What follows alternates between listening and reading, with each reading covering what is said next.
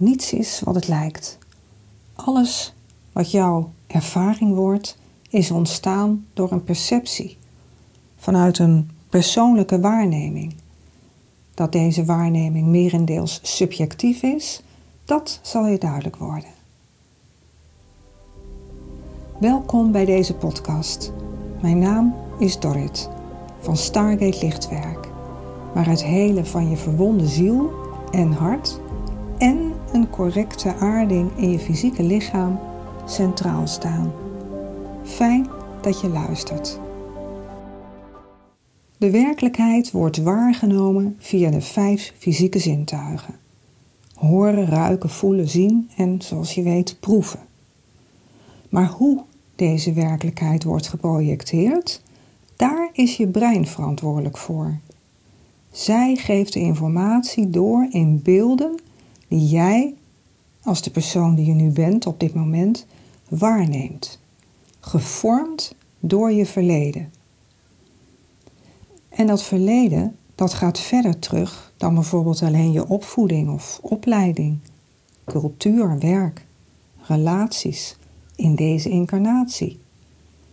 Het betekent dat, mocht je dat al denken, jij niet als een onbeschreven blad deze incarnatie bent binnengestapt. Je kwam hier met inmiddels verworven kernkwaliteiten en ongeheelde pijnstukken, die je trauma's kunt noemen, al dan niet gerelateerd aan zielsfragmentatie. Ongeheeld is dus niet heel, en dat zorgt ervoor dat je verwijderd bent geraakt van je eigen verbinding. Je verbinding met je goddelijke oorsprong. Hierdoor konden en kunnen nog steeds overtuigingen, oordelen, veroordelingen en ook besluiten en overlevingsstrategieën subjectieve werkelijkheden creëren. Je bent, misschien zelfs wel onbewust, versmolten met de identificatie van ik neem dit waar, dus zo is het. En niet anders. En dit is interessant. Want dit betekent dat grotendeels iedereen, want ga er maar vanuit dat er niet velen op de wereld zijn die heel zijn, net als jij de wereld zien vanuit persoonlijke ervaringen. Wat voor jou een ja is, kan dus voor een ander een nee zijn.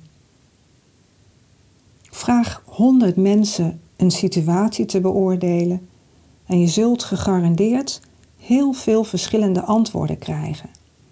Allemaal gerelateerd en ontstaan vanuit een persoonlijke waarneming. Dus subjectief. Wat voor de ene als bijvoorbeeld hulpvaardigheid wordt gezien, kan voor de ontvanger als bemoeizuchtig worden ervaren. De een vindt iets scherp, de ander juist flauw. De een ziet de ander als vriend en de ander ziet dezelfde persoon als vijand. Wanneer iemand stil is, dan wordt dat bijvoorbeeld ingevuld als ongeïnteresseerdheid, omdat dat jouw perceptie is, terwijl de werkelijke reden aan je voorbij gaat. Daarom is het altijd belangrijk, naast het weten dat bijna iedereen vanuit zijn eigen waarneming ervaart en dus leeft, dat je communiceert. Uiteraard in eerste instantie met jezelf.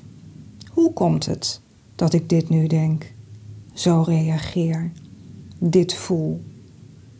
Dus leer jezelf kennen. Maar praat zeker ook met elkaar.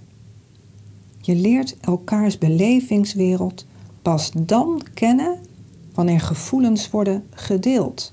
Uitleggen wat jij waarneemt. Dus vanuit jouw perceptie. En dat is heel wat anders dan discussiëren. Of dat de ander jouw mening wordt opgedrongen. Of nog zo'n bijzondere overtuiging, dat de ander jou moet begrijpen. Of omgekeerd, jij moet de ander begrijpen. Praten met elkaar lijkt eenvoudig. maar niets is minder waar. Hoe goed kun jij luisteren? Wie is niet geneigd om het verhaal van de ander aan te horen vanuit zijn eigen perspectief? Oh. Dus probeer jezelf eens aan te leren jezelf eventjes opzij te zetten. Op dat moment gaat het niet om jou. En te leren zo goed mogelijk objectief te luisteren.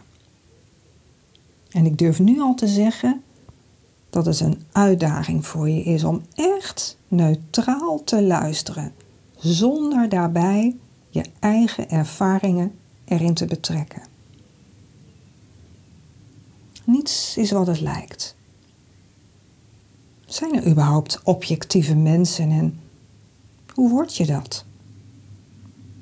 Je weet inmiddels dat velen hun belevingswereld ervaren vanuit hun eigen perceptie.